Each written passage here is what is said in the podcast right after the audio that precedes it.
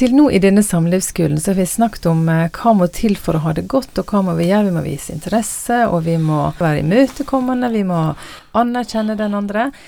I Ja. dag skal vi rett og slett snakke litt om hva er det som ødelegger i et parforhold. Egil Riise, hva er det? Ja, si det først. Det var veldig spennende at eh, psykologien er ikke så veldig god på å forutsi eh, atferd hos enkeltpersoner. Gjerne personlighet, men ikke hva som kommer til å skje.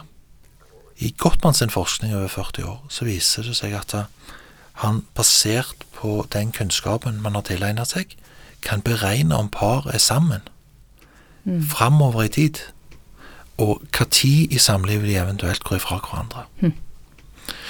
Eh, Det er med over 90% sannsynlighet. Og det er ganske mye å ta inn over seg. Det dårlige for Gottmanns personlig det er jo at han blir invitert litt ut i selskap. For ingen, ingen har lyst til å vite det. Sånn er det nok litt for oss alle at liksom, vi kan få en liten klump i magen. Liksom, er det, hvordan er det med oss? Men det som er viktig, det er hva kan vi lære at vi må gjøre? Hva er det de gjør, de som får det til? Og sånn er det både når man søker hjelp i terapi eller går på kurs. Det er hva er det som er mer hjelpsomt? Det er det vi er ute etter. Mm. Godt man har funnet ut at eh, et samliv det er egentlig matematikk. Han er, egentlig, han er litt matematisk hode. Så det er en formel hvor mye godt det skjer i forhold til ting som er dårlige. Det er det som avgjør eh, om man holder sammen eller ei. En brøk.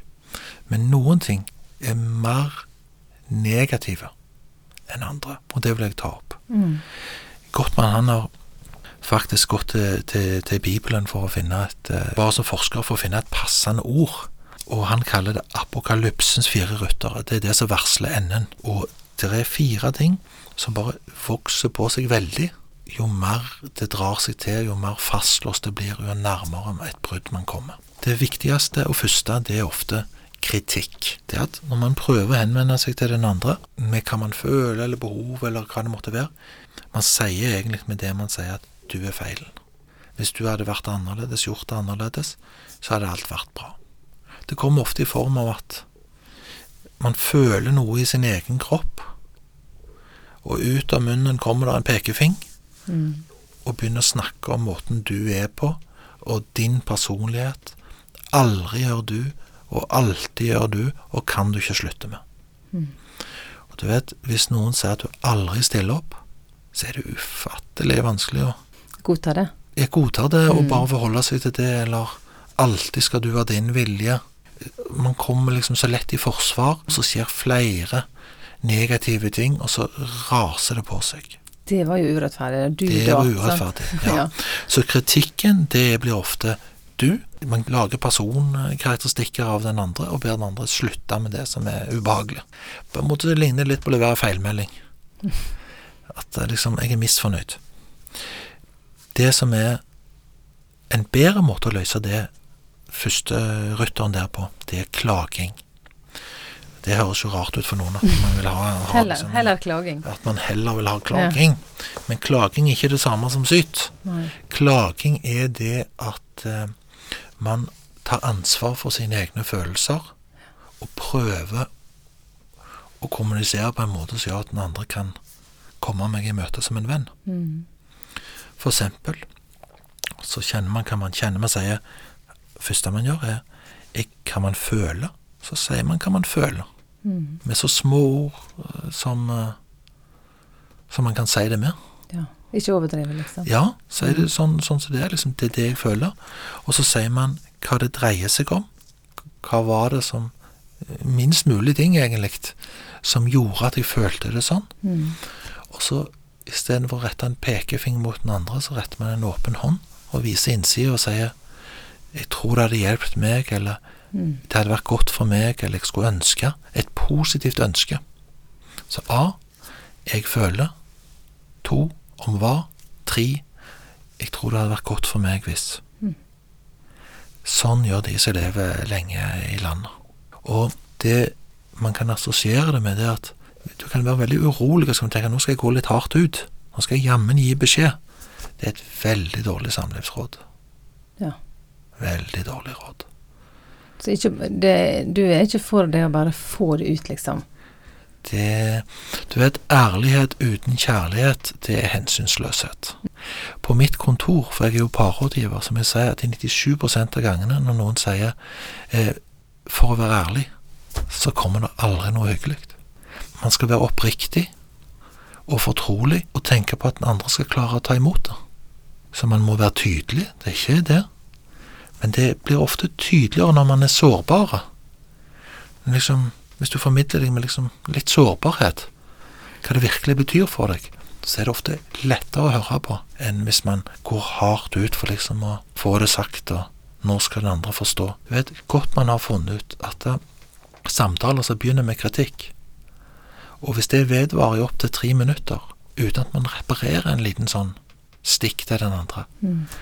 Så spiller det egentlig ikke noen rolle hvor lenge man snakker etterpå. Fordi klimaet i den samtalen blir akkurat likt om du stopper etter tre minutter eller etter to timer. I 97% av tilfellene.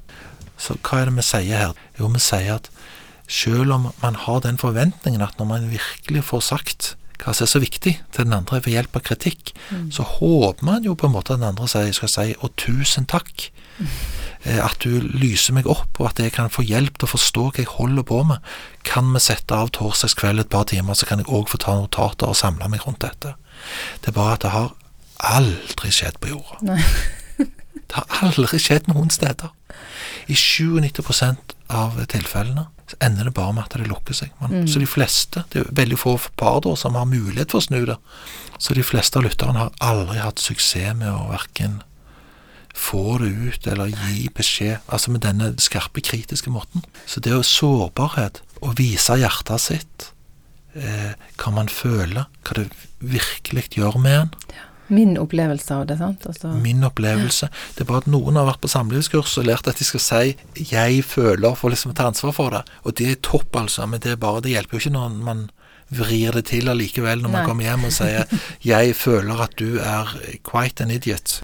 Så får man ikke noe suksess. nei. 'Jeg føler at du' Sjelden det hjelper. Kritikk har vi snakket om. Der er det flere ryttere. Ja. Det andre er å gå i forsvar. Det ligner på sutring.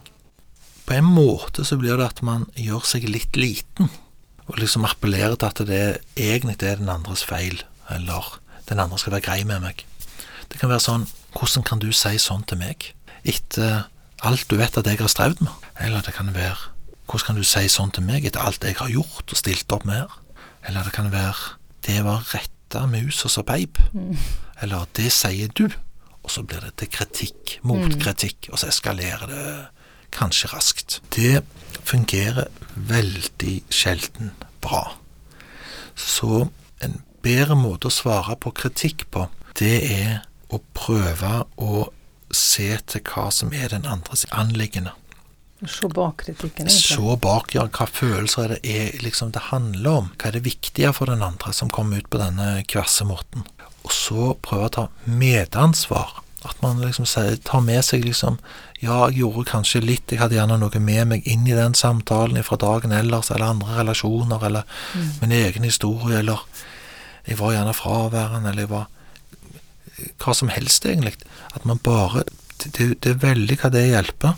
At man, om det så er en liten ting man kan komme på, at man tar medansvar for det man br- brakte inn i den samtalen, så langt som det er mulig. Det vil være veldig mye mer beroligende, og vil føre samtalen inn i et bedre spor. Og vil du si at hvis en da har et godt kjærlighetskart, og hvis en er trygge på hverandre og opplever tillit og respekt, så er det lettere å ta imot? Det er mye lettere, i hvert fall hvis det gikk litt sånn skeis da, med en litt harde start, som en kaller kritikk da oftest, en harde start, så er det mye lettere å reparere, og liksom gjenoppta den gode kontakten ganske kvikt, og ved å si eh, omflatelse, eller kan jeg få begynne på ny, eller oi sann, eller nå var jeg litt raske, eller det kom ut litt feil, kan vi spole tilbake, får jeg en sjanse, beklager. Mm.